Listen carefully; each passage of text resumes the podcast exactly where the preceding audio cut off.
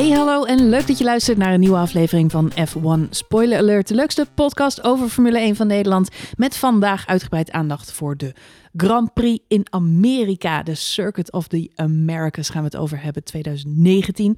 Uh, mijn naam is Marjolein en ik zit hier niet alleen. Ik zit hier samen met Johan. Hey hallo. En wij, gaan, uh, wij zijn net na de race. Zo. Net als uh, vorige week, tijdens de Grand Prix van Mexico, ja, hebben we te maken met een avondrace. Ja. En dat betekent dat we eigenlijk ja, direct...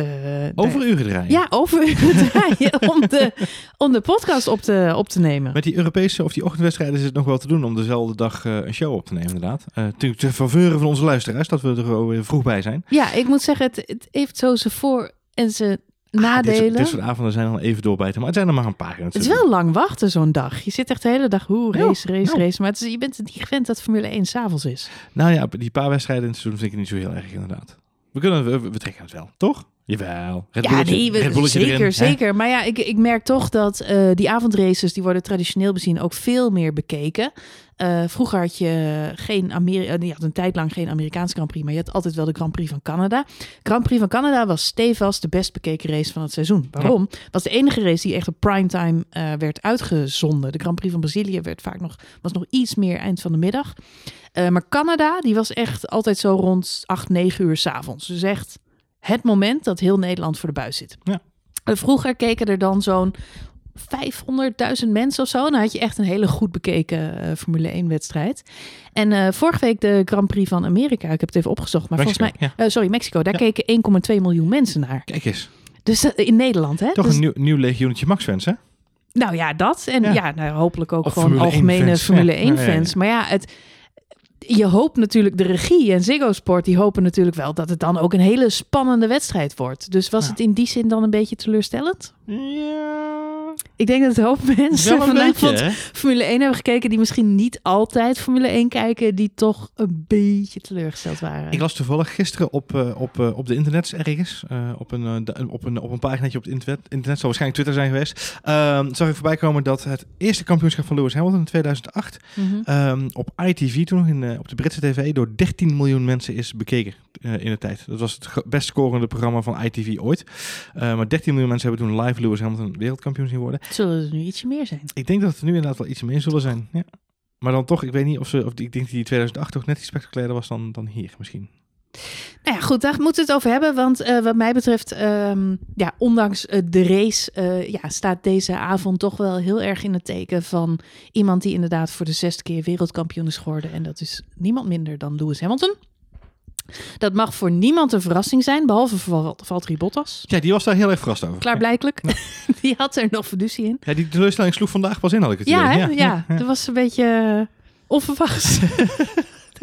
Wat wel schattig. Ik denk, je hebt toch echt gewoon een week of vier, vijf tijd gehad om eraan te wennen aan het idee. Maar ja, goed. Nou ja, het is wel raar, want ik zei direct na afloop uh, tegen jou van... Goh, dit is echt de meest ondergevierde uh, wereldtitel van Lewis Hamilton die ik tot nu toe heb gezien. Het is sowieso vreemd dat Lewis Hamilton zijn beker niet krijgt uh, tijdens, deze, de, tijdens deze race. Hij krijgt dan een parkeerplekje, dat is mooi. Hè? Jij werd vanochtend nog even geschilderd voor ja, hem. in de vergunninghouders, uh, een Ja. speciale vergunninghoudersplek. Mensen in Amsterdam zouden er dolblij mee zijn met een, uh, een gereserveerd parkeerplekje.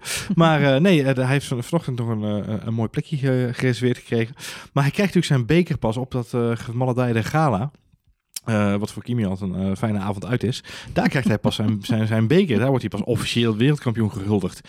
Ik blijf dat heel vreemd vinden. Het is alsof je dus wereldkampioen wordt. Maar dan pas bij het FIFA Gala, wat zo'n mooi event was, uh, daar pas de beker krijgt. Weet je? wel. Ik vind het toch een beetje vreemd. Um, Ja, jij bedoelt met een Champions League of zo, dan is het meteen confetti, Bekers, confetti, bekers en een hoop ceremonie. Nou, moet je je voorstellen dat we de, dat, dat Ajax de Champions League wint en dat we in plaats van het Museumplein voor ze vol stromen, dat we een parkeerplekje voor ze reserveren in het stadion. Hier mogen die gaan staan met z'n allen, even zwaaien en that's it. En dan gaan we door Het is met de gek, hè? Want dat podium vorige week in Mexico met die, met die lift, dat was De toch lift. veel, dat was veel indrukwekkender dan dit. Ik heb daar nog lang over nagedacht. Ik zou het liefst toch hebben gehad dat Kimi Räikkönen vorige week gewonnen had. Oh en man, dan Kimi dat, op het podium. dat zou fantastisch zijn Goed. geweest. dat is een andere discussie. Ah. Um, maar um, uh, uh, nee, ja, dat klopt. Het was dan toch iets meer spektakel dan dit. Of de, waar is die, uh, ik ben even kwijt waar het is, die, de, die lichtgevende, waar ze de auto parkeren op zo'n ramp en dat dan de, de hele, dat hele oh, ding ja, waar was dat ook weer? Ik, ik, ben even kwijt waar het is. Maar dat is ook, volgens mij is dat Abu Dhabi. Volgens mij gaan we die nog krijgen. Ja, dat denk ik wel. Ja, volgens mij wel inderdaad. Maar dat is ook zo'n spectaculair podium. Dan denk ik, ja, dit dan, dan toch een beetje ja, af aan het, uh, aan het... Nogmaals, ik, eh, ja, die feestvreugde mm. is dan ook een beetje minder. Ik weet natuurlijk in Mexico vorig jaar liep je daar nog even de, de avondvierdaagse van Mexico. Um, over dat hele... Ja, nou twee jaar geleden, daar moest ik aan denken inderdaad. Toen won Max in Mexico. Dat was natuurlijk was een briljante race. Lewis Hamilton reed toen een hele slechte wedstrijd. Die finishte negende. Maar daaraan had hij genoeg om uh, toch kampioen te worden. Hij reed echt een kleurloze wedstrijd. Kwam nergens aan voorbij. Liep allemaal te klagen over het feit dat zijn auto dan uh, niet goed was. Banden niet goed, bla bla bla. Maar haalde het podium niet eens. Maar hij stapte toen uit de auto. En hij, hij begon, eerst werd hij gefeliciteerd, geïnterviewd en daarna begon hij aan een soort Forrest Gump-achtige hardloopwedstrijd. Waarbij hij uh, ja, over de boarding sprong. En uh, er waren allemaal mensen die wilden hem feliciteren. Die ontweek hij allemaal. en, hij had toen nog geen, hij had nog geen stepje toen. Hè? Dus nee, hij, hij wist ook niet waar hij heen moest. Dus liep hij de verkeerde kant op. En ineens stond hij tussen het gewone publiek. Dat was ook niet bedoeld. Moest hij de pitstraat weer Stond in. op de parkeerplek. En, mensen probeerden hem allemaal te high-fiven van zijn team. En de goede kant op. Maar het was een heel rare setting. Hij bleef maar rennen, rennen, rennen, rennen. Weet je, had hij een beetje afgegeven van Jensen Button, denk ik. Maar dat ging niet helemaal zo Ja, en met een vlag en een zwaaien en, en, en, jumpen en crowdsurfen. En, en alles erop en eraan. Maps erbij, kijken waar hij heen moest. Ja, ja, en het, het, nou, ik kan wel zeggen dat als je één ding over Lewis Hamilton kan zeggen, dan is het dat hij uh, ja, elk jaar weer een ander personage op de grid brengt. Want dit is dan twee jaar geleden dat hij echt bijna uitzinnig is. En vandaag zien we hem eigenlijk heel understated, heel kalm, heel rustig. Uh, zijn familie was erbij, zijn vader, zijn moeder. En, uh, en met je McConaughey's. En, uh... met je McConaughey, zijn aangetrouwde neefje. Neefje broer, ja. Um, ja, en het, hij hield het klein. Hield het sober. Ik denk, maar dit is, dit is puur uit de heup geschoten na het zien van de wedstrijd en de, en de festiviteiten tot nu toe. We, gaan waarschijnlijk nog de komende dagen oversteld worden met videobeelden van, van feestende Mercedes-mensen. Uh, we zagen Toto Wolf nog bij, na afloop even bij F1 Live, de, de social media stream die zij natuurlijk uitzenden, uh, bij Will Bixen aanschuiven. Ook vrij ingetogen vond ik. Uh, natuurlijk altijd weer keurig zoals Toto Wolf dat kan uitleggen wat, wat de plussen en de minnen waren van het kampioenschap. maar daarin verwezen ze naar hetgeen wat ik denk dat er ook speelt. Dat is dat Niki Gemist wordt. En dat het toch een beetje ingetogen wordt gehouden. Ook met het oog op, op ja, het, het, natuurlijk het wegvallen van Niki Lauda dit jaar. Uh, en dat ze toch een beetje ja, een soort van ingetogen sfeer hanteren. Ik weet het niet. Nou ja, en hij kreeg natuurlijk ook de vraag. Um, jullie zijn niet meer zo oppermachtig als een aantal jaar geleden. Hm. Ja, daar zou hij nog wel even aan, uh, aan moeten wennen aan die vraag. Wat? Dat het niet meer zo is? Ja, precies. Dat zal even wennen zijn geweest voor Toto. Die vraag is hij niet gewend natuurlijk. Normaal gesproken was het de vraag, hoe komt het toch jullie zo oppermachtig zijn? Nou ja, begin van het seizoen zag het er wel zo uit. En laten we wel weten, begin van het seizoen heeft Mercedes natuurlijk ook uh, de titel veiliggesteld. Dat, uh, ja. Dat vooropgesteld. Dat, uh, dat is toen gebeurd. Maar goed, uh, einde van het seizoen is toch ook weer aardig. Uh, ja, ik denk dat er één hele grote opvallendheid uh, was. Buiten het feit dat Lewis Hamilton zes keer wereldkampioen is. en buiten het feit dat Schumacher trending is op Twitter en Lewis Hamilton niet. Wat ik dan ook weer veelzeggend vind. Ja. maar buiten die twee opvallendheden was er één, één, één klein dingetje wat misschien het weekend een beetje overschaduwde. Een beetje opviel hmm. uh, deze race. Jij wilt het hebben over um, die rode auto's? Waar waren die? Nou, die waren er niet vandaag. die gaven niet thuis. Ferrari had een off-weekend. nou, terwijl we dit opnemen, is er alweer grote... Wink, wink. Wink, wink. Er is er alweer uh, grote consternatie op uh, de Twitters. Want uh, Max Verstappen die zou zich voor de zoveelste keer politiek incorrect hebben uitgelaten. En de internationale pers dus natuurlijk, want dat zit er natuurlijk bovenop. Ja, ja we zaten vlak voor het opnemen van deze podcast. We, letterlijk, we zitten een uurtje na de race. Dus het is allemaal nog niet officieel online verschenen. Maar we zaten net nog even te zoeken op de Outsport-site van wordt er al over geschreven. Dat is altijd een kwestie van tijd. Maar op Twitter zag ik al veel mensen die zeiden: Oh, oh, oh, Max, doe het nou niet. Wat heeft Max gedaan? Die heeft in diverse interviews, waaronder met Jack Ploy, al laten weten dat, uh, ja, dat het geheel niet uh, opvallen, uh, gek is eigenlijk dat Ferrari er deze race niet meer bij zat. Nee. Omdat uh, dat natuurlijk gebeurt als je ophoudt met uh, vals spelen. Ja, zo zei hij het bij Jack Ploy. Zo zei hij het bij Jack Ploy. En in uh, de Engelse media heeft hij het wat anders geformuleerd. Heeft hij het wat in het ongewisse gelaten. Ja, liet het een beetje in het midden inderdaad. De vraag was inderdaad, wat, hoe denk je dat het komt dat vraag zo'n zo'n off-day had? Toen zei hij, wat denk je zelf? Ik denk dat je dat wel kunt invullen. Nou, met andere woorden, ook daar een hele grote knip ook voor Max Verstappen inderdaad. Ja, ik zie die ophef ontstaan. En ik, uh, aan, de, aan de ene kant denk ik, ja, misschien is het voor ons Nederlanders weer heel erg jammer dat Max degene is die dit uh, zegt. En aan de andere kant denk ik, hij zegt wat iedereen die in de Formule 1 zit, vandaag heeft gedacht. De hele autosportwereld denkt het op dit moment. Ja. Niemand heeft de ballen om het te zeggen, maar Max dan weer wel. Uh, maar het is toch gewoon zoals het is. Uh, wat is er gebeurd? Uh, voor de race is er uh, protest aangediend. Eindelijk dan. of eigenlijk nee, dat moet ik goed zeggen. Goed, er is goed, geen, goed formuleren. Goed formuleren. Ja, ja. Er is geen protest aangetekend. Wat heeft Red Bull gedaan? Er gaan natuurlijk al een hele tijd geruchten dat er bij Ferrari gesjoemeld wordt. Uh, er is iets aan die auto veranderd, waardoor ze ineens achttiende hebben gevonden ergens in de zomerstop. En ze nu, uh, ja, eigenlijk sinds Monza natuurlijk, uh, veel sneller zijn. Leclerc pole positions pakt, Vettel en Leclerc met elkaar van de baan aftieven. en vet aan het racen zijn. En was dit allemaal veel eerder in het seizoen gebeurd, dan had Ferrari daadwerkelijk gewoon mee kunnen strijden om de titel. Ja. Ja. Als ze tenminste een keuze hadden gemaakt in welke van de twee coureurs dan de nummer 1 had moeten zijn. Um, nou ja, daar is al uh, een tijd lang uh, wordt daar. Ja, je merkt dat, vind ik ook altijd in interviews. Uh, jij zegt net, jij maakt een grapje over Toto Wolf. Maar als Toto Wolf de vraag krijgt van hey, jullie, het wordt aan de stoelpoten gezaagd. Dan zie je hem ook een beetje kijken zo van ja. Uh, illegaal of legaal bedoel je dan? uh, dus met andere woorden, niemand mag daar natuurlijk iets over zeggen. Maar je merkt wel dat het speelt. Want het kan niet zo zijn dat Ferrari ineens zoveel uh, tijd weet goed te maken. Daar moet iets aan de hand zijn. Uh, maar niemand weet wat dat is. Niemand kan dat uitvogelen als je uh, buiten dat team uh, bent. Dus wat is nu uiteindelijk gebeurd? Na lang, ge, ge, ja, na, er is lang. We hebben het vorige keer nog in de podcast over gehad. Dat ja. Mercedes ook zoiets had van ja, gaan we nu protest aantekenen? Ja, en er waren natuurlijk allerlei theorieën wat het zou zijn. Ja, de, het andere is natuurlijk dat als je op een gegeven moment een beetje doorkrijgt van wat zij zouden doen, dan kun je er ook nog voor opteren om dat zelf in je auto te zetten. En dan wil je helemaal geen protest aantekenen. Dan wil je dat gewoon kopiëren en zelf ook gaan gebruiken. Dat is een vraag vanaf, want het is wel goed, hè? want we hadden een vraag ook op Twitter op onze mm -hmm. F1 Spoiler Alert Twitter account. Uh, stelde ook iemand de vraag en die vroeg zich af van, uh, heeft uh, de FIA, die natuurlijk dit allemaal moet bewaken, zich bewust gedijst gehouden? Hebben ze zich stilgehouden? Hebben ze proberen in de doofpot stoppen? Of, of hebben ze moeten wachten op een protest? En dat is natuurlijk het verhaal. Hè? Er moet natuurlijk een officieel protest komen. Volgens mij hebben we dat in de vorige aflevering ook al even ja. besproken inderdaad. Er moet een officieel protest komen. Of, en dat is de workaround waar we het nu zo meteen over gaan hebben. Er moet een aanvraag komen van een ander team om het ook op die manier te willen doen. Uh, en dan pas kan de FIA een uitspraak doen over dit soort praktijken. Ja, klopt. Ik, uh, ik zag hem langskomen. Raoul, Raoul, Raoul, dankjewel voor je vraag. Um, ja, wat het verhaal natuurlijk is, is dat, daar hebben we het eerder over gehad, dat er tot aan het begin van dit seizoen had je Charlie Whiting, die was dan uh, leider van de wedstrijd. En ehm, naast dat hij, zeg maar, eigenlijk een beetje de scheidsrechter, de hoofdscheidsrechter van de Formule 1 race was, had hij ook een functie als een soort onofficiële lobbyist uh, binnen alle teams, uh, die een beetje in de gaten hield wat er allemaal speelde. Nou, we weten allemaal dat Charlie Whiting heel uh, plotseling overleden is aan het begin van het seizoen. Michael Massey die rol heeft overgenomen.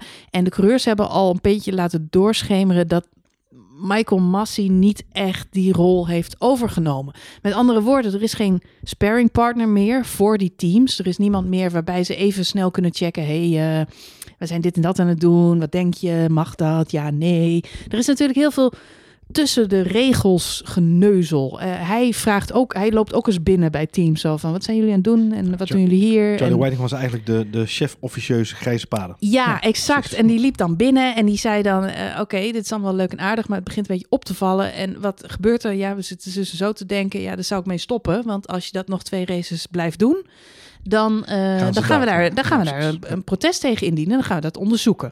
Nou, en dan werd het ineens weer van de auto afgehaald. We hebben dit onder andere bij uh, Mercedes gezien vorig seizoen. Die hadden een soort luchthappers in de, in de banden zitten. De nou. Daar is nooit een officieel protest tegen ingediend. Maar opeens waren die dingen weg. Met andere woorden, iemand in het officieuze circuit heeft gezegd: moeten jullie mee stoppen? Mag niet, is illegaal, ga je gezeik mee krijgen. Nou, die persoon is er niet meer. Dus in de Formule 1, dat, dat ja, het onofficiële protest, dat bestaat dus niet meer. Dus de teams worstelen heel erg met, ja, shit, er gebeuren illegale dingen. Maar bij wie moeten we nu zijn? We kunnen het ook niet bewijzen. Zij kunnen niet in een Ferrari kijken wat er illegaal is. Dus wat heeft Red Bull gedaan? Red Bull heeft uh, een aanvraag ingediend om een soort uh, systeem in de auto te implementeren waarmee je effectief uh, ja, meer benzine, meer benzine ja, naar de motor kunt leiden. Eigenlijk is het een, een, een, we moeten niet te veel op de techniek ingaan, want dat ligt wat complexer en het is nog steeds niet 100% duidelijk wat nou de exacte aanvraag is. Maar het gaat over het feit dat er een bepaalde kabel langs uh, uh, de, volgens mij de benzinetank gelegd kan worden. Daar zitten sensoren omheen en de elektriciteit die door die kabel heen loopt, die, die interfereert, die verstoort die sensor een beetje, waardoor je dus effectief meer benzine uh, zou kunnen verbranden dan wat wettelijk gezien is toegestaan. Slim trucje. Dat is een heel slim trucje. Ehm, wat we al eerder gezien hebben is, um, Red Bull heeft inderdaad besloten om geen beklag aan te dienen, maar heeft gezegd, mogen wij dit zo maken? Dan komt de VIA in actie. Dan komt de VIA in actie. Dit is geen protest, dit is gewoon een aanvraag voor een nieuwe feature. Uh, en de VIA heeft gezegd, nee, dat mag absoluut niet. En jullie mogen dat niet alleen, maar... En op dat moment gaat er een communiqué uit naar alle andere teams waarin gezegd wordt: uh, Red Bull mag dit niet doen, maar niemand mag dit doen. En vanaf dat moment wordt er dan ook extra streng op gecontroleerd. En dat betekent dat Ferrari, als ze al dit soort dingen hadden in de auto, dat per direct niet meer konden gebruiken. En wat valt natuurlijk op?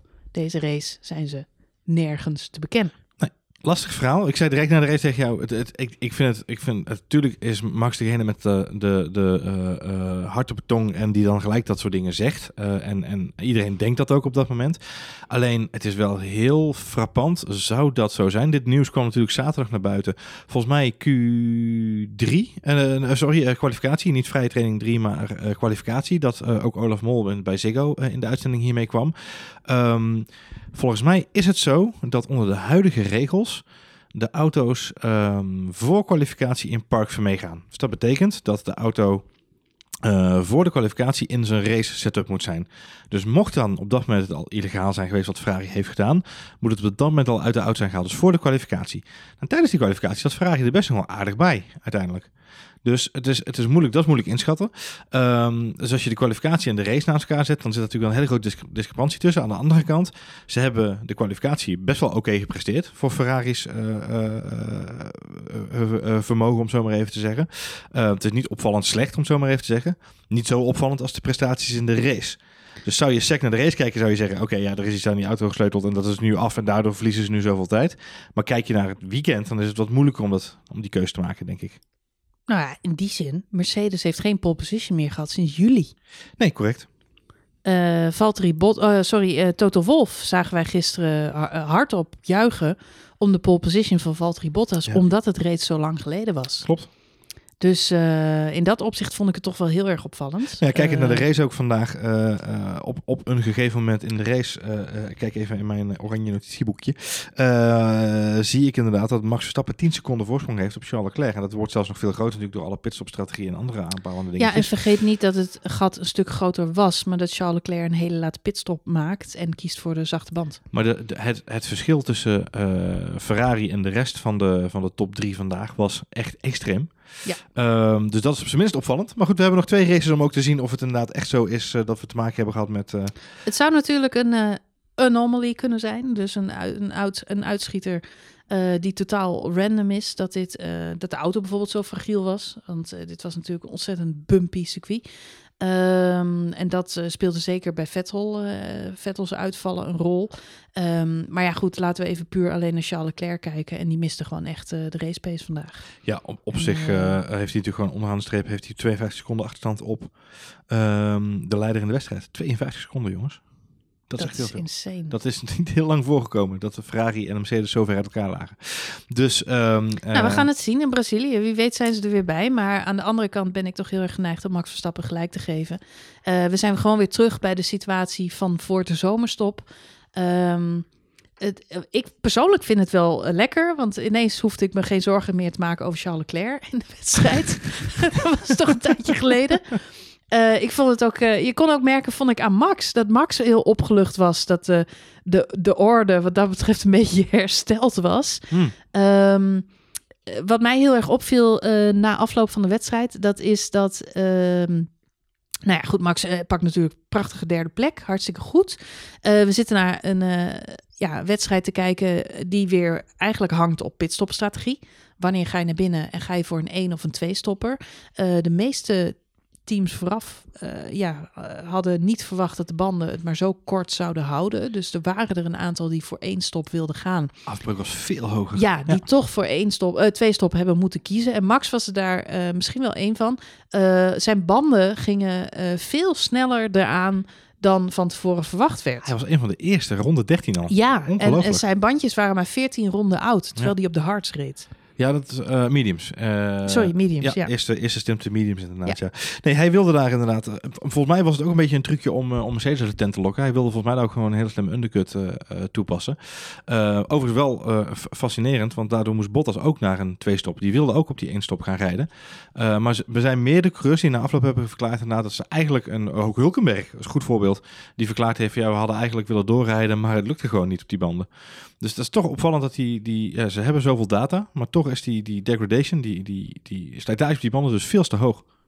Ja, en uh, dat, dat splitte de wedstrijd een beetje. En voor de mensen die uh, uh, ja, de race zaten te kijken zonder dat ze daarbij de app gebruiken, was het alleszins een saaie race. Als op een gegeven moment een saaie race is, dan is het soms interessanter om, om de app erbij te pakken en te gaan kijken naar strategie. Hm. Voor zover die dan nog een rol speelt. Want dan kun je dus verschillen in rondetijden heel goed bijhouden. En kijken in hoeverre dat dan nog uh, ja, voor een verrassende uitslag kan gaan zorgen. Dat was dus uh, vandaag een beetje het geval. Want uh, Hamilton die zat dus wel op die één stopper, maar die pitte eigenlijk ook verrassend vroeg. Ja. die pitte namelijk maar 11 rondjes later dan Max Verstappen. Ja, ronde 25 Ja. ja, en op dat moment hadden we gewoon nog 25 rondjes in de, in de race te gaan. Wat zeg ik? Sorry, 31, 31 ronden in, de, in de race te gaan. En er was op dat moment nog helemaal niemand die zo lang op die harde band had gereden. Uh, dus ik moet eerlijk bekennen dat op dat moment ik al gelijk zoiets had van, uh, de gaan ze niet redden. Ja, gaan ze jij, niet redden. Ja, maar jij weet Marjolein, je hebt vorige ook Sebastian Vettel gehoord. Zoals Lewis Hamilton zijn banden behandelt. Dat is gewoon alsof je een massage krijgt. Dat is gewoon die zo goed met zijn. Je hebt gelijk. Ik had naar Sebastian Vettel moeten luisteren. Je weet toch gewoon, Vetteltje heeft altijd gelijk. Ja, je hebt helemaal gelijk. Dit is een wereldkampioen onder elkaar. Hè? Die komen elkaar nog vaak tegen. En uh, die, uh, die weten gewoon van elkaar hoe, uh, waar ze de mosterd Ja, je hebt wel gelijk. Ik heb me heel erg verkeken op Max Verstappen, die natuurlijk toch een beetje bekend staat als de bandenkoning. Uh, die die ja, de, als een van de beste coureurs in staat is om zijn banden te managen. Het feit dat hij maar 14 rondjes op, op die, op die eerste set ja. Ja. deed, ja, was voor mij een beetje een teken aan de wand. Dat ik dacht, ehm, ja, hij pakt, hij, pakt 35, uh, dus hij gaat in ronde 13 eh, naar binnen al. En hij pakt dan in ronde 35 alweer zijn volgende uh, pitstop om te wisselen naar, naar de... Van, hij gaat van, van medium naar hard en dan gaat hij terug naar de mediums weer. Um, en ja, dat is toch wel vlot als je kijkt naar wat de andere mensen uit de banden wisten te halen inderdaad. Vrij, vrij snel. Ja, dus dat, dat, ik kan me voorstellen dat je je daarin een beetje liet afleiden. Maar in principe heeft Hamilton natuurlijk weer een maximaal uit dat rubber weten te trekken vandaag. Ja, alhoewel dat uh, op het laatst natuurlijk wel uh, niet, Hij had het wel uh, spannend Ik wou net zeggen, hij had er meer uit willen halen. Hij had natuurlijk een overwinning eruit willen ik halen. Weet niet waar, en, ik weet niet waar Bono zijn engineer voor naar het ziekenhuis moest. Maar ik hoop niet dat het iets te maken had met bloeddruk. Want die zal behoorlijk gestegen zijn in de laatste paar rondes van de wedstrijd. Want het was, ja, Hamilton had natuurlijk wel zwaar op die, op die bandjes. Hij kon natuurlijk Bottas helemaal niet afhouden. En ja, ook Max kwam natuurlijk wel heel snel dichtbij. Nee, ja, op het laatst zie je gewoon dat Hamilton echt een seconde per ronde begint te verliezen. wat interessant was, is dat er een aantal andere coureurs ook op een eenstopper stonden. Het waren er niet veel.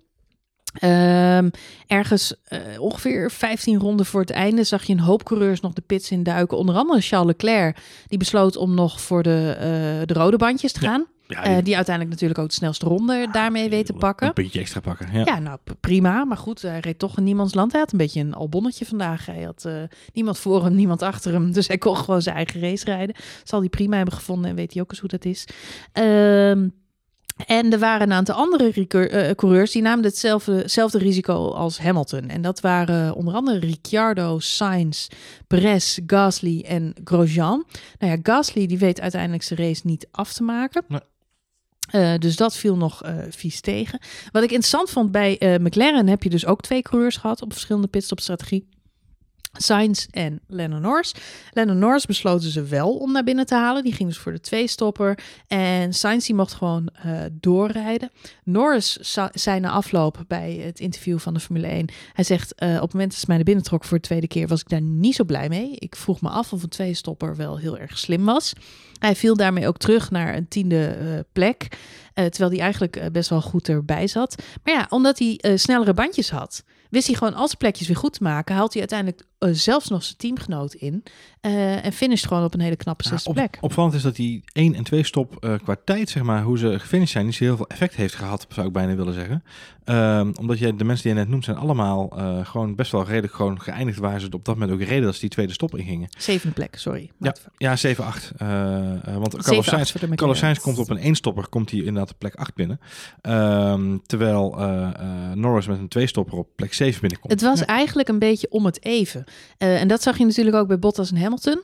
Uh, Hamilton had sowieso een berenstart. Uh, die startte natuurlijk vanaf de vijfde plek. Maar die kwam meteen bij Leclerc uh, buitenom. Vettel die had problemen. Dus dat, dat leverde verder geen klaagde, problemen op. Klaagde overgrip, ja. Ja, ehm, en ja, Verstappen die wordt eigenlijk verslagen op pitstopstrategie. Dan moet ik wel zeggen, Verstappen had hem waarschijnlijk kunnen pakken in die allerlaatste ronde. Alleen ja. door de gele vlaggen in verband met de ja, de schuiver DNF van Kevin Magnussen. Van, uh, ja. Kevin Magnussen uh, ja, mist hij uiteindelijk die tweede plek. Ja, iedereen weet dat Kevin Magnussen is in staat aan wedstrijden te beslissen. Dat is nu weer gelukt. Ja, oh, en wat baalde ik ervan. Wat, oh, nou, het was echt... Het was echt, wat dat betreft, het was inderdaad een saaie race. En dan zie je Max zo snel dichtbij komen. En het gaat natuurlijk niet om de overwinning. Dus enerzijds denk je, ja, tweede plek, derde plek. Vorig jaar hebben we hetzelfde meegemaakt, hè. In die, uh, de laatste fase van de wedstrijd. Ook om plek 2 en 3. En ook tussen Max Verstappen en Lewis, Lewis Hamilton. Hamilton ja. Toen lag Kimi Räikkönen namelijk uh, op kop. Vier op kop, ja. En toen lag Max tweede en uh, Hamilton Lewis derde. Hamilton derde. Ja. En werd er ook tot op de finish uh, gevochten, gevochten, om die uh, tweede plek. En ja, het zag er heel even naar uit dat we dat vandaag weer zouden gaan zien. Maar eigenlijk direct uh, nadat Magnussen van de baan was gespind, kwam zijn team over de boordradio. Max, Max, there's double yellow on track. So no overtaking in corners, bla bla bla bla bla. Ja. Ja, je moet je, je snelheid laten vallen. Je en dan, je eigenlijk niet je, je Nee, je, klopt. En hij kreeg, hij kreeg van zijn ingenieurs direct te horen... er is eigenlijk nog maar één punt waarop je kunt inhalen. En net op dat punt hij had te maken met een achterblijver. Klopt. Hij moest daar iemand inhalen. En uh, dat maakte eigenlijk uh, dat hij kansloos was. Hij had, om, hij had in die laatste stint had hij heel veel last van achterblijvers. En ja. het was ook grappig om op de boordradio te horen. Uh, wij hebben altijd een tweede scherm daarnaast staan. Hè, op de, de, de, de cockpit view van, van Max Stappen. Daar kun je ook de boordradio mee terugluisteren. Wat er besproken wordt tussen Max en zijn engineer. En tijdens de cooldown lap was hij aan het praten met zijn engineer. En gaf hij ook terug. I lost a lot of time with the backmarkers. I think I lost more than a second uh, in, die, in die laatste stint. Want dat was een, een, groepje, volgens mij was dat Fiat, Perez, Hulkenberg of zo. Dat was een groepje waar hij doorheen moest. Ja. Uh, en daar verloor hij bijna een seconde, gaf hij zelf aan, of anderhalf seconde. Dan nog, onderaan de streep, uh, en dat gaf hij zelf ook gif toe op de boordradio, was Mercedes gewoon vandaag wel een tikje te snel onderaan de streep. Ja, nee, ja, en dat was eigenlijk ook een beetje slotsom na afloop van de race. Dat hij, het viel me op hoe hij echt uh, zijn vizier helemaal gefocust had op die uh, Mercedes woorden, maar ook over de boordradio nog zeggen. Uh, jammer. In eerste instantie jammer. Zowel zijn team als Max zelf baalde dat die tweede plek er niet meer in zat. Hij was echt uh, ja, in, in, fighting spirit die laatste tien rondjes eigenlijk nog om Lewis Hamilton te gaan inhalen. Dus je merkte dat zowel het team als Max zelf daar eerst een beetje van baalde. Daarna sloeg het om in, nou, tof, toch een goede derde plek. Niks aan het handje. Ehm, waarop Max nog wat informatie wilde geven aan zijn team en zichzelf eigenlijk een beetje inhield en zei: We'll talk later. Yeah. Uh, but uh, hij zei iets van uh, iets over de Mercedes. Dat de ja. Mercedes gewoon op sommige punten sneller waren. Uh, en daar moesten ze het straks nog even over hebben. En dat vond ik wel heel mooi, want het geeft aan dat, nou, hè, waar we het net over hadden, Ferrari is gewoon buiten de picture. Daar kijkt hij niet meer naar, want die deden illegale dingen. Nou, daar wil hij dus niks mee te maken hebben. Dat is alweer helemaal uh, vergeten. Waar hij echt zijn vizier nu op heeft, is natuurlijk gelijk komen aan die Mercedes. En hij heeft daar ronde na ronde achter gezeten. En je ziet hem echt puzzelen in zijn hoofd van waarom komen we daar niet, nou niet dichterbij?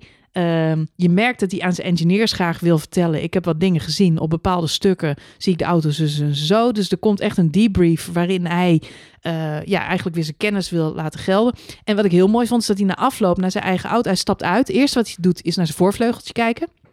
Waar dus een, uh, een, behoorlijke... een, behoorlijke... buts in zat. omdat hij uh, ja, eigenlijk bij de start direct een, hele kleine touché heeft. En... Bizar, want dat is dezelfde soort touché die hij vorige week heeft met uh, Bottas. Eigenlijk op hetzelfde punt. Hè? ook met de voorvleugel op de achterband. Dit keer rijdt Bottas door. Er is niks aan de hand, want het is met Bottas ook vandaag weer. Dit keer rijdt Bottas door zonder problemen. Vorige week heeft Max natuurlijk een lekker band. Uh, en vandaag is er niks aan de hand. Behalve dan inderdaad een scheur in zijn, uh, in zijn ja, de, wing, de wing and plate, heet dat dan zo mooi. Ja. Die was behoorlijk aan, aan.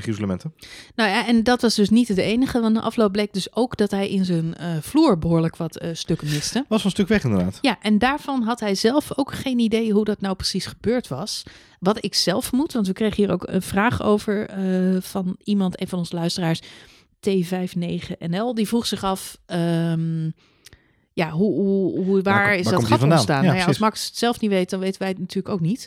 Uh, het enige wat ik zelf vermoed, dat we hebben bij heel veel auto's van alles van de auto af zien vliegen. Allerlei ja. piefeltjes, paffeltjes. We hadden het de vorige uitzending nog over. Uh, dit is precies het probleem met de huidige auto's wat Ross Braun in 2021 wil gaan oplossen met die nieuwe regels. Namelijk dat er veel minder van die losse ja, onderdeeltjes en vleugeltjes, en vreugeltjes aan die auto's zitten die er maar afvliegen. En uh, ja, goed, we zagen als er curbstones genomen werden. Charles Leclerc die kreeg aan het begin van de wedstrijd, nadat Vettel was uitgevallen, nog te horen: uh, vermijd die en die curbstones. Ja, bocht, bocht 8-9 geloof ik. Ja, om de, eh, waarop Charles Leclerc heel boos antwoordt: why? Uh, waarop hij te horen krijgt: nou, omdat Vettel daar zijn achterophanging finaal, weet je, die zakt gewoon dus hoeven die auto. Um, nou kon dat bij Vettel ook te maken hebben met uh, de, de, de touché die hij ook aan het begin van de wedstrijd had. Dat is dat net een gevoelig tikje wat hij op die, op, uh, die ophanging heeft gehad. Ja, was Albon die inderdaad. Uh, ja, alhoewel, ja. alhoewel Vettel zelf na afloop ook zei: van het zou goed kunnen dat mijn auto al stuk was voordat we überhaupt uh, vertrokken.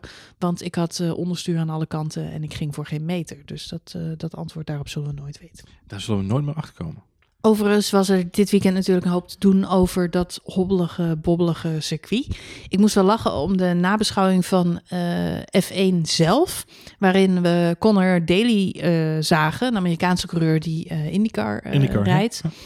Ja. die heel hard moest lachen om het feit dat de Europese coureurs, zeg maar, of liever gezegd de Formule 1 coureurs, ja, allemaal zo'n issue hadden met de hobbeligheid van dit circuit. Hij zegt Austin is een van de mooiste circuits op in de Amerikaanse autosport. Er zijn echt menig circuit hier in Amerika. Is nog veel hobbeliger, bobbeliger, slechter in staat dan hier in Austin. Dit is echt dit is een prachtig circuit. Toen, ja, toen realiseerde ik me dat uh, Lewis Hamilton heeft zich er natuurlijk over uitgelaten. Hij zegt, ja, ik krijg hoofdpijn van dit circuit. En ik moest na afloop van de kwalificatie even gaan liggen. Uh, ja, dat wordt hem door de Amerikanen blijkbaar niet in dank afgenomen. Nee, maar het zegt ook wel een beetje iets over de kwaliteit van de Amerikaanse racebaan als dat zo is. Want het was natuurlijk ja. al... we hebben allemaal de beelden gezien. Dat is toch gewoon niet gezond, joh. Het is een beetje, een beetje hobbly is leuk en een beetje omhoog naar beneden is prima. Maar als je, volgens mij als het in vrijtraining 2 Grosjean daar ziet stuiteren, het is ook gewoon onderaan de streep niet fijn. Nee, maar aan de andere kant denk ik, kom op, wat voor raceauto's bouwen, bouwen we? Als, als je continu op elke, in elke sector zie je, zie je allemaal piefeltjes van je autootjes afvliegen. Nee, okay, maar dat, is, dat, is, maf. Dat is één kant van het verhaal, daar ben ik helemaal met je eens. Dat is één kant van het verhaal. Het, is, het zijn allemaal op dit moment vrij breekbare uh, mecanodoosjes. Maar uh, aan de andere kant, het is nou niet zo dat er een vering in zit verder. Hè? Dus, dus uh, uh, dus als er inderdaad een, een, drie uh, hobbels achter elkaar liggen, het is niet echt prettig voor de coureur. Het, het, maakt niet, het maakt de race niet makkelijker voor een coureur. Nou zeg ik niet dat ze per se makkelijker hoeven te hebben, maar daarmee kunnen ze ook niet maximaal uit de machine halen en dus optimaal presteren. Ah, om met Vettel te spreken, leg je maar een kussentje in je stoeltje. Hmm. Dat had Vettel wel kunnen gebruiken. Denk ik, Vettel wel kunnen gebruiken. Overigens, props voor Vettel, want wie stond er als eerste in de uh, persruimte na afloop van de race om Lewis Hamilton te feliciteren? Sebastian Vettel. Ja. En ook Valtteri Bottas. Klopt. En Max. Ja, die stonden daar ook, maar die moesten daar ook zijn, Marjolein. Dus die... Nee, ik bedoel oh, dat bedoelt... Vettel er was om ze te feliciteren, maar met name even Lewis Hamilton met zijn zesde titel. En dat vond ik heel chic van zeker. Sebastian ja, Vettel. Dat heeft hij goed gedaan. Had ook tijd over, had niet zoveel te doen verder, dus... Goed, we moeten even door naar. Uh, we hadden nog een paar andere vragen. Ik pak heel even een vraagje erbij van Guido. Guido wilde weten: is er al meer te zeggen over wie volgend jaar de beste wingman voor Max Verstappen zou zijn? Wat wil Max en wat klopt er uh, en klopt dat verhaal dat de rijstijl, afstelling en data bij Albon het beste overeenkomen? Ja, dat laatste, dat, daar heb ik nog niet zo heel veel over gesproken. Wat natuurlijk wel heel erg duidelijk is, is dat zowel Helmut Marko als Christian Horner hebben benadrukt dat uh, één, uh, en dat staat buiten kijf, het tussen de drie andere coureurs binnen het Red Bull circus gaan, gaat. Dus oftewel, het is of Albon, of het is Daniel Kvyat, of het is Pierre Gasly. Um, dus dat is sowieso een, iets wat duidelijk is. En daarnaast hebben zowel Horner als uh, uh, ook uh, Helmut Marko laten weten. Met name Christian Horner trouwens dit weekend. Die heeft gewoon gezegd, it's Albon's seat to lose. Met andere woorden, Albon moet echt niet goed presteren en gewoon niet maximaal eruit halen. En dan raakt hij die stoel kwijt. En ik moet heel eerlijk zeggen, op dit moment, weet je, er is veel discussie over Albon. Goed genoeg of niet goed genoeg als ik kijk naar wat hij nu doet, uh, is maximaliseren van zijn eigen talent en van wat hij uit die auto kan halen. Uh, uh, en als rookie rijdt hij vandaag gewoon weer een inhaalrace, want hij valt door een touché met Sainz terug naar plek 20. 18 seconden achter op Kubica, dat zegt niet zo heel veel in het huidige Formule 1 wereldje. Ehm, maar knalt hem dan wel vervolgens gewoon weer terug naar P5. Uh, en hoewel we dat van Max Verstappen en Sebastian Vettel en Lewis Hamilton en Charles Leclerc zelfs allemaal al mogen verwachten, en Bottas en Hamilton, uh, is dat voor een rookie als Albon nog steeds gewoon een hele goede prestatie. Dus ik denk, uh, heel eerlijk gezegd, dat we vrij snel zullen horen dat volgend jaar Alexander Albon gewoon weer zal starten naast, naast Max Verstappen. Ik denk dat dat na deze race een feit is. En ik verwacht ook dat dat, als het niet vanavond is, dan zal het komende week zeker uh, bekend worden gemaakt door Red Bull Racing. Dat Albon gewoon een contract tekent voor 2020. Uh, We ja, hebben, dat heeft hij al, dus dat is het voordeel. Er is ik bedoel bij Red Bull. Ja, maar dat, dat contract is, hij heeft de, de, de, de, de contracten van Red Bull zijn zo opgesteld dat ze gewoon bij het team horen. Dus dat, uh, dat is helemaal geregeld. Dat hij het stoeltje naast Max Verstappen inneemt, dat zal deze week dan uh, denk ik, uh, bevestigd worden. Uh, hij reed vandaag een dijk van een wedstrijd. Uh, en eigenlijk doet hij hetzelfde als wat we Max vorige week in uh, Mexico hebben zien doen. Achteraan terugkomen op de baan door ja, eigenlijk een stomme touché in de openingsronde van de wedstrijd. Moet hij zich helemaal terugvechten, wat je al zegt, 20 seconden achter Kubica. Daar begint het. precies diezelfde taak had Max Verstappen vorige week ook volbrengt hij gewoon. En we zien uh, Albon vandaag hetzelfde doen. Dus uh, nou, kun je niks van uh, zeggen. Ook, ook eerder genoemde Conor Daly, Amerikaanse IndyCar coureur inderdaad, zei vandaag ook in die nabeschouwing. Hij zegt, weinig mensen hebben het vandaag over Alexander Albon, behalve mensen die hem dan als driver of the day hebben gestemd. Maar hij heeft vandaag gewoon een hele puike prestatie geleverd. Dus ik denk dat dat echt wel heel erg goed is. Um, ook voor zijn, voor zijn kansen voor dat stoeltje. En nogmaals, ik, ik, ja, wat, ik ik kan me niet voorstellen, Fiat krijgt vandaag weer een tijdstraf van zijn broek. Gasly uh, is wel een stuk beter dan wat hij was in zijn tijd. Is niet gefinished. Uh, nee, maar is wel een stukje, hè, presteert wel weer wat beter sinds dat hij weer terug is bij. Had een goede kwalificatie, is dat er weer een paar keer goed bij. Precies. In de top 10. Uh, maar weet je, onderaan de streep zien we wel dat de, de, de tweede seizoen zelf Albon in wel betere dingen laat zien dan de andere twee coureurs bij Toro Rosso. Albon doet wel wat hij moet doen. En je moet natuurlijk zo'n jonge coureur ook de kans geven om meer ervaring op te doen en om te groeien. Bottas zit nu in zijn derde jaar naast Lewis Hamilton. En ik moet zeggen dat uh, na, buiten vorig jaar, wat echt ja, voor hem persoonlijk een, een, drama was. Hij won geen enkele wedstrijd. Dit jaar wint hij vier races. Um, je ziet dat ze. Kijk, het is niet tof om naast Lewis Hamilton in de Formule 1-auto te zitten. Hetzelfde als het niet tof is om naast Max Verstappen in de Formule 1-auto te zitten. Je weet van tevoren, dit is een van de allerbeste coureurs. Uh, op de. Ja. ja. in het huidige circuit. Dat ja. maakt de situatie bij Ferrari ook zo spannend.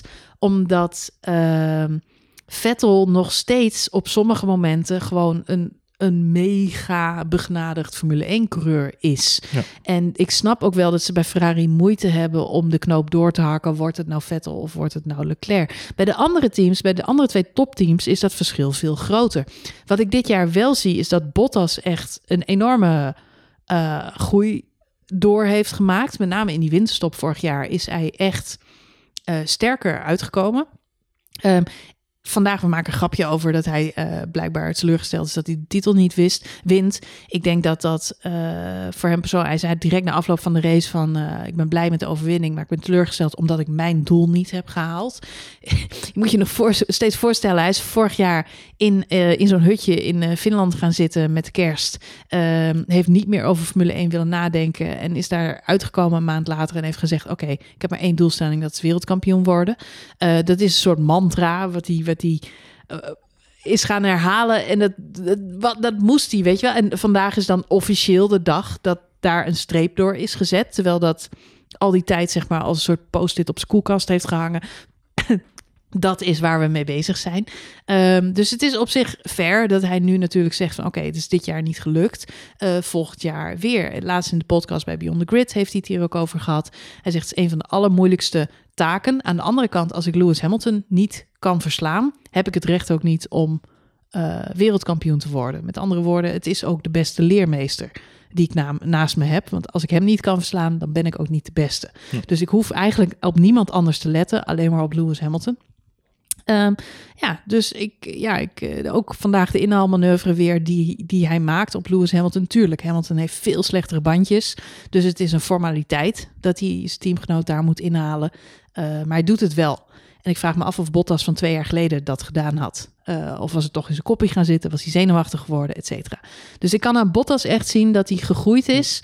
Diezelfde tijd moet je Alexander Albon ook gunnen. En, uh... het is niet voor niks dat deze week Lewis Hamilton het voor hem opneemt, hè? ook in de media.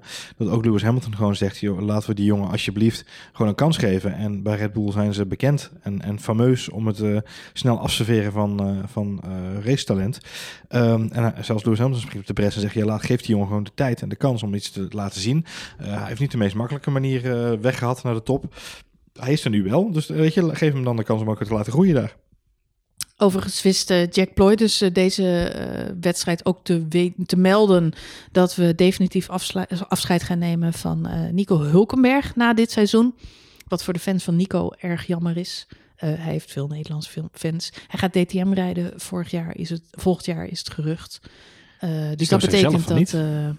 Oh nee? Nee, want Nico kwam bij Jack voor de camera. En toen zei Jack: hey, en vertel eventjes, dinsdag maak je bekend dat je DTM gaat rijden. Waarop Nico zei: Daar wil ik helemaal niks over vertellen. Waarop Jack zei, ah, zeg dan gewoon even hier. Vertel nog maar even wat dan, uh, wat dan het verhaal is. Nee, zegt Nico, ik ga niks vertellen, maar dat is niet waar. Oeh. Dus the plot thickens. Oké, dus het zou zo nog maar weer eens een andere draai kunnen ja, krijgen. Dit, is, dit, is het, uh, dit zou zomaar een wendingje kunnen zijn. Maar ik vermoed, eerlijk gezegd, ik weet niet of dan DTM niet waar is. Maar ik denk nog steeds wel dat de kern is dat, dat we niet Nico Hulkenberg terug gaan zien in de Formule 1 volgend jaar. Niet als actieve coureur in ieder geval. Nee, die, ik, ik vind het een heel groot vraagteken. Ik zie niet dat ze bij uh, Alfa Romeo nog iets uh, gaan veranderen. Dat is eigenlijk de enige kans die er nog is bij Williams. Is Latifi zo goed als zeker de tweede coureur naast George Russell volgend jaar. Nico Hulkenberg heeft natuurlijk afgelopen week ook wederom uh, Williams afgewezen. Dus uh, ja, ook in de dus media. Dat, dat gaat helemaal nergens over. en bij Red Bull gaan ze zeker niet voor Hulkenberg kiezen. Nee, nee, nee, zeker niet. Want daar hebben ze gewoon drie goede coureurs onder contract staan naast yes. nog stappen. Dus Giovinazzi zit ik even te kijken, want dat is natuurlijk het enige, de onzekerheid bij Alfa Romeo. Eindigt vandaag 14e, had wel weer een goede kwalificatie op zich, samen met, tussen, in vergelijking met zijn teamgenoot. Um, Kimi eindigt vandaag 11e, Giovinazzi 14e. Ik moet wel eerlijk zeggen dat Giovinazzi wel, wel beter is gaan presteren in het tweede seizoen zelf. Maar aan Giovinazzi hangt gewoon het grote voordeel van een Ferrari-kortingje volgens mij op die motor. Ik kan me niet anders voorstellen. uh, want ja, dat zal de reden zijn waarom hij daar gewoon blijft rijden voorlopig. Uh, hij, heeft gewoon een, hij zit in het Ferrari-stoeltje, om zo maar even te zeggen. Ja, maar ik blijf het zeggen. Alfa Romeo, fantastische start van het seizoen. Uh, met name Kimi Räikkönen laat natuurlijk een paar fantastische wedstrijden zien. Tweede helft van het seizoen, eigenlijk sinds Spa rijden zij achteraan, samen met de Hazen en de Williamsen, wat echt een beetje sneu is. Echter, vandaag Kimi Räikkönen, even pluspunten, want die rijdt gewoon een hele goede race. Uh, vrije trainingen zat hij er ook al aardig bij. Uh, maar vergeet niet, zij starten vanaf de 16e, 17e plek. Uh, ze lagen er in de eerste kwalificatieronde al uit. Um, maar Kimi Räikkönen, die had vandaag een wereldstart. En dat is helemaal buiten beeld gebleven. Het viel mij wel op. We zaten een paar uh, ronden in de wedstrijd. En die gast die lag gewoon uh, plek 10, plek 9. 9, ja. Wat insane is. Ik, ik kreeg nog een uh, tweetje van iemand, uh, Bas Dame, die zei ook na afloop: goede start van Rijkonen, geheel buiten beeld gebleven. Ja. En ik, uh, het is grappig, want daardoor herinnerde ik me dat ik me dat tijdens de wedstrijd heb afgevraagd. Ik ben daarna nog even de start terug gaan kijken. Zijn start was al heel, heel erg goed. In de, hij startte dus twaalfde. Na één ronde lag Kimi Rijkonen al. sorry, hij startte zeventiende. Na één ronde lag hij al twaalfde. Ja, klopt. Maar ronde 3, 4 lag Helemaal niks van gezien. Nee, klopt. Uh, ik heb zelfs, inderdaad nog zelfs ronde 41 rij hij nog in de punten. Hij ja, heeft, ja, een heeft, lange hij heeft tijd een hele gewoon, tijd negende gereden. Ja. En uiteindelijk, ja, met pitstops, ehm, ja, eh, eh, valt hij terug naar de twaalfde plek. eh, sowieso, hè. Zo Ehm, eh, Pierre Gasly, eh, Kimi Räikkönen, Lando Norris en, eh, en, en Carlos Sainz. Als je het hebt over het middenveld. Gewoon echt weer een dijk van een, eh, van een wedstrijd vandaag. Eh, helaas voor, voor Kimi inderdaad eh, net erbuiten vandaag. Ja, plek 11 zie ik. Doodzonde, toch? Ja, nou ja, eh, ja dat vooropgesteld. Eh maar Kimi verdient natuurlijk meer, streep. Absoluut. We kregen nog een, eh, een, een hele late vraag. We hadden het net heel even kort over eh, Nico Hulkenberg en Oscar van Deurzen. Die vraagt nog Hulkenberg uit de Formule 1. Maar waarom komt Nick de Vries dan niet in de Formule 1? Volgens mij is het antwoord heel simpel. Stoeltjes erop. Toch? Eh, ja, nou en ja. hij heeft ook geen zak met geld. Hij heeft geen zak met geld volgens mij. Dus dat een dingetje inderdaad. De stoeltjes zijn redelijk dun bezaaid. Kijk, vanuit die Formule 2 was vrij duidelijk dat die Latifi... eh, die heeft de banden en de, en de, de, de, de jaszakken Zak met ge- ja. met geld... eh, om, om bij Williams naar binnen te komen. Dan zijn de stoeltjes vrij dun bezaaid. Eh, Nick heeft uiteindelijk gekozen voor een, een development rol bij Mercedes. En, en daar ook de Formule E te pakken. Ja, dat is volgens mij onderaan de streep ook hartstikke slim. Want daarmee hou je wel gewoon de banden met het Formule 1 team van de Mercedes. Eh, zelfs nog, eh, eh, dit weekend zat hij ook in de afgelopen race zat hij bij Ziggo in de studio. En heeft hij nog uitgelegd dat hij op vrijdagavond gewoon wordt ingevlogen in Engeland. Zodat hij met, met een aantal andere testcoureurs gewoon kan gaan zitten in de sim. En, en alle data kan gaan zitten crunchen die ze natuurlijk uit, uit Amerika opgestuurd krijgen. Dus hij zit er nog, ja, hij zit hartstikke dicht bij het vuur. Eh, en we weten allemaal dat eh, Mercedes wat dat gaat wel redelijk loyaal is naar zijn eh, testcoureurs. En ze helpt om in hun carrière verder te komen. Ja, maar de kans dat we hem nog in de Formule 1 terug gaat zien, vind ik ontzettend klein. Het is ook al vaker gezegd, Formule, Formule 2. Er zijn vorig jaar een heleboel jongens uit de Formule 2 eh, doorgegaan naar de Formule 1. Onder andere George Russell, Lennon Norris, Albon. Er is zo'n hele lichting in één keer gepromoveerd. Nick de Vries zat daar niet bij. Die is dan dit jaar de Formule 2 kampioen geworden. Maar eigenlijk is hij, is hij te laat. Hij, hij was best of the rest vorig jaar, deed, deed goed mee. Uh, maar had vorig jaar moeten promoveren. Je kunt Ja. niet zo lang in de Formule 2 blijven hangen. Zit je daar eigenlijk te lang? Voor de meeste Formule 1 teams inderdaad een, eh, een signaal. Ja. Ja, en daarnaast, eh, of je moet echt over een uitzonderlijk eh, talent eh, beschikken. Ja, dan had hij dat eerder moeten laten zien. Dan was hij misschien wel naar de Formule 1 eh geupgrade.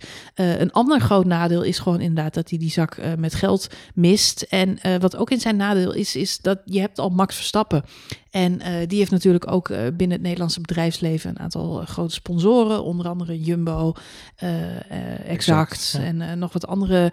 Ja, en als, als die al op een andere Nederlandse coureur zitten, zeg maar. ja, er is, we zijn maar een klein landje. Dus er, is, er is niet meer draagvlak dan Nee. ook. maar goed, het begint allemaal met talent. Ja, en daarin moeten we gewoon erkennen dat, ja, dat, dat die helaas niet zo knettergoed is Nee. dat, eh Maar dat zeg, het boven komt bedoel, zeg drijven. nooit nooit. Ook, eh, we hebben het vandaag nog eh, uitgebreid over Ja. Alexander Albon. Hè, en die had vorig jaar aan het begin van het seizoen... eh, stond hij nog gewoon op de teampresentatie van een Ja. Formule E-team. Om uiteindelijk bij Red Bull, Toro Rosso en Red Bull aan de slag te gaan. Ik dus, net zeggen, het kan allemaal nog maar zo gebeuren. Zeg nooit nooit in dit En voor de Formule E, daar hoeven we dan ook geen medelijden mee te hebben. Want het is een ontzettend ja, eh, ja, groot kampioenschap inmiddels al. Met eh, Ja. leuke salarissen. Competitief, En, eh, ja. competitief, je reist de wereld rond. En wat je al zegt, een development rol bij Mercedes is ook nooit verkeerd. Nee. Want zit je toch behoorlijk heet bij het vuur. Dus zeg nooit nooit, er kan nog iets gebeuren. En wie weet komt hij er alsnog. Je weet maar nooit. Je weet maar nooit. Goed, ehm, het gaat twee weken duren. Voordat we weer kunnen racen. Ja, Kijken we daar nog naar uit? Uh, jazeker. Want de volgende race is natuurlijk het, eh, de Grand Prix van Brazilië. En dat is natuurlijk van oudsher een, eh, een, een prachtige race om te zien. We hebben volgende week is er nog wel een ander eventje. Dan wordt er namelijk een Senna Tribute Race georganiseerd. Dat Ja. is om 9 november. Volgend weekend dus. Klopt. In Sao Paulo, geloof ik. Ja, dat is in Sao. Paulo. Ik begreep wel dat het merendeel van de coureurs vanavond gewoon eh, naar huis vliegt. Ja. En dan morgen weer in eh, Monaco is. Monaco of andere eh, Europese aangelegenheden Ja. waar ze verblijven. Ja. Dus het eh, feest in Amerika en Mexico zit er nu wel even op. ja, het is natuurlijk ook even voor die mensen gewoon seizoen afwikkelen nu. Hè. Nog twee races te gaan. Brazilië is eigenlijk altijd wel spectaculair. Ja, tenminste, eh, eh, 9 van de 10 keer vind ik het altijd wel een goede race. Een mooie race. Ik ben heel benieuwd wat het dit jaar gaat brengen. Eh, qua weersomstandigheden moeten we het misschien aan Sepp Vettel vragen. Want die weet heel erg goed eh, hoe de weersomstandigheden zijn. Hoorden we dit, dit weekend ook in de persconferentie. dus eh, Nou, daar laat hij zich niet, liever niet over uit. Oké, nou, we gaan uh, afronden. Uh, dat doen we natuurlijk niet voordat we even snel hebben gekeken naar de, onze voorspellingen. Yes, laten we dat heel snel doen, Marjolein. Wat is de stand? De stand in het WK Nee, ik heb het niet allemaal hier bijgehouden, joh. Heb je dat niet mee? Je hebt er nog zo keurig getwitterd voor de Ja, dat wel, maar er is, er is, geen Excel-sheetje met de, de scores van, uh, van tot nu toe. Hè. We zijn natuurlijk al een ik tijdje Ik pak even de uh, voorspellingen erbij, die we in de voorbeschouwing op uh, de Grand Prix van Amerika hebben gedaan. Mm -hmm, mm -hmm, Om te mhm. beginnen met van mijzelf. Ik ja, had, verstandig. Begin, laten we daarmee beginnen, inderdaad. Ja. Ik heb onder andere voorspeld... Geen regen. Daarvoor krijg ik een punt. Hmm. ik schrijf me even op. 1. Uh, het tweede wat ik voorspelde is dat er één keer in de wedstrijd box, box, box, box werd gezegd. Ja, vet behalen voor je. Ja, er is namelijk één keer box, box gezegd. Ja, en één keer box, box, box, box. box. Ja. en daar krijg ik geen punten voor. Nee, de nada. Kan Gaat niet gebeuren. Goed. Nee. Uh, en wat was mijn derde voorspelling ook weer? Albon een ronde aan kop. Nou, dan moeten we het schema omdraaien. Ja, ik zei wel... Hij heeft ook de snelste ronde gehad in, diezelfde in datzelfde moment. Dus het zou kunnen. Hij reed in, als, als ze allemaal waren omgedraaid op de baan, de andere kant op waren gaan rijden, dan had ik gelijk gehad. Ja. is ook geen punt. Ook geen punt. Nee. Goed. Het is wel voorgesteld. Een reverse grid door Hamilton, maar helaas. Ja. Nee. Goed, Johan Voets, jij had voorspeld Lewis Hamilton wereldkampioen. Ja, dus dat is een punt. Ja. Als een saai, easy, saai, saai. Wat easy. had je nog meer voorspeld? Um, Grosjean veroorzaakt een safety car. En we waren er zo dichtbij. Het was machtig. Jammer joh, jammer joh. Het was wel een haas. Volgende keer gewoon zeggen. Safety car, dus dat, uh, ja, nee, dat klopt inderdaad. Wel gele vlaggen. En je derde voorspelling? Ja, ik verwachtte een howdy partner van Daniel Ricciardo ergens Hij had wel een Texas Longhorn outfit aan, inclusief body. Ja, ja, daar liep hij heel het weekend Protection in. Hè? Ja, Unit. Hij was helemaal aan de Longhorns uh, modus. Hij was helemaal in de Longhorns. Uh, zelfs zijn helm was helemaal gestileerd. Um, uh, nee, het, ik heb hem nergens gehoord helaas. Dus geen howdy partners gehoord. Geen howdy partners. Nee. Toch zonde. Ik ga nog heel even alle media terugzoeken hoor, de komende dagen. Ja. Dat, uh, ja. Ja. Als ik hem nog vind, dan claim ik hem alsnog. Is er ergens een site waar ik mijn punten kan terugclaimen, retrospectief? Nee? We staan nu gelijk voor deze wedstrijd. Voor deze wedstrijd, ja. 1-1. Moeten we wel even sterretjes geven. Heb je al sterretjes voor jezelf bedacht voor de wedstrijd? Sterretjes voor deze wedstrijd. Jongen, jongen, jongen, jongen. Ja, het was, het was geen slechte race. Uh, de ja, maar er gebeurde niet zoveel. Nee. Het was geen slechte race. Nee. Ik ben heel erg met Max eens dat. Uh, uh, ja, doordat Ferrari nu zijn auto uh, heeft moeten tweaken, is er wel een spanningsboogje uit de Formule 1 gehaald, eigenlijk. Toch? Ja, ik, ik, weet het niet. Dat zal de volgende. Het is natuurlijk eerlijk als dat zo is. Hmm.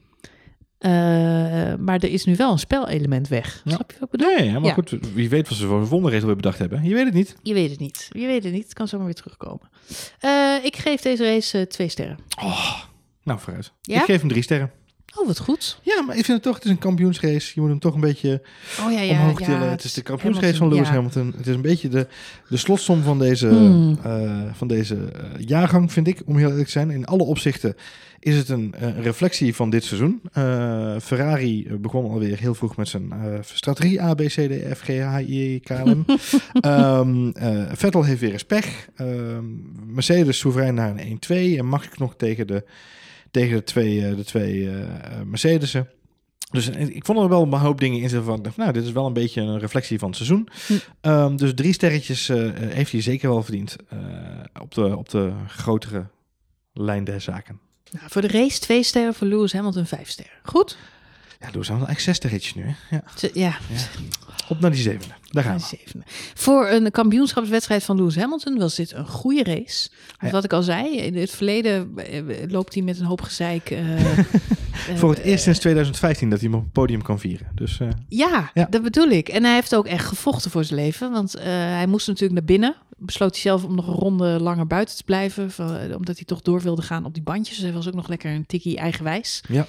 En um, wat ook opviel, is dat hij echt nog gevochten heeft voor wat hij waard was op die ontzettend oude bandjes. Want je zag hem op het laatst echt glibberen over die baan. Ja, hij er was geen houden meer aan. Hij ging een paar keer mee Als er geen gele vlaggen waren geweest, weet ik zeker dat Max uh, hem gepakt had. Al dan niet clean. Dus dat had weer controverse opgeleverd. Dus misschien moeten we Magnussen toch een beetje dankbaar zijn. Ehm, nee, maar uh, Lewis Hamilton wist er ook nog echt fantastische rondetijden uit de persen. Terwijl die ronde banden echt al super op waren. Ik ben heel benieuwd naar de reacties van onze luisteraars. De sterretjes die zij eraan willen geven vandaag. Nou, ga het gelijk even op Twitter zetten. Op de Twitters? Op de Twitters. Ja, doen we morgen Heel goed. Um, voor nu gaan wij deze podcast beëindigen. Dit was de Grand Prix van Amerika 2019, waar we het over hadden. Over twee weken wordt er weer gereisd. Dan zijn we in Brazilië. We hopen natuurlijk dat het daar regent.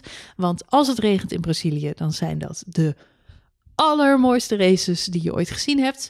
Um, laten we het nu niet jinxen, want we zijn wel weer een keertje toe aan een hele mooie race. Ben je nou aan het vergarderen? Ja, nee, ik ga niet vergarderen.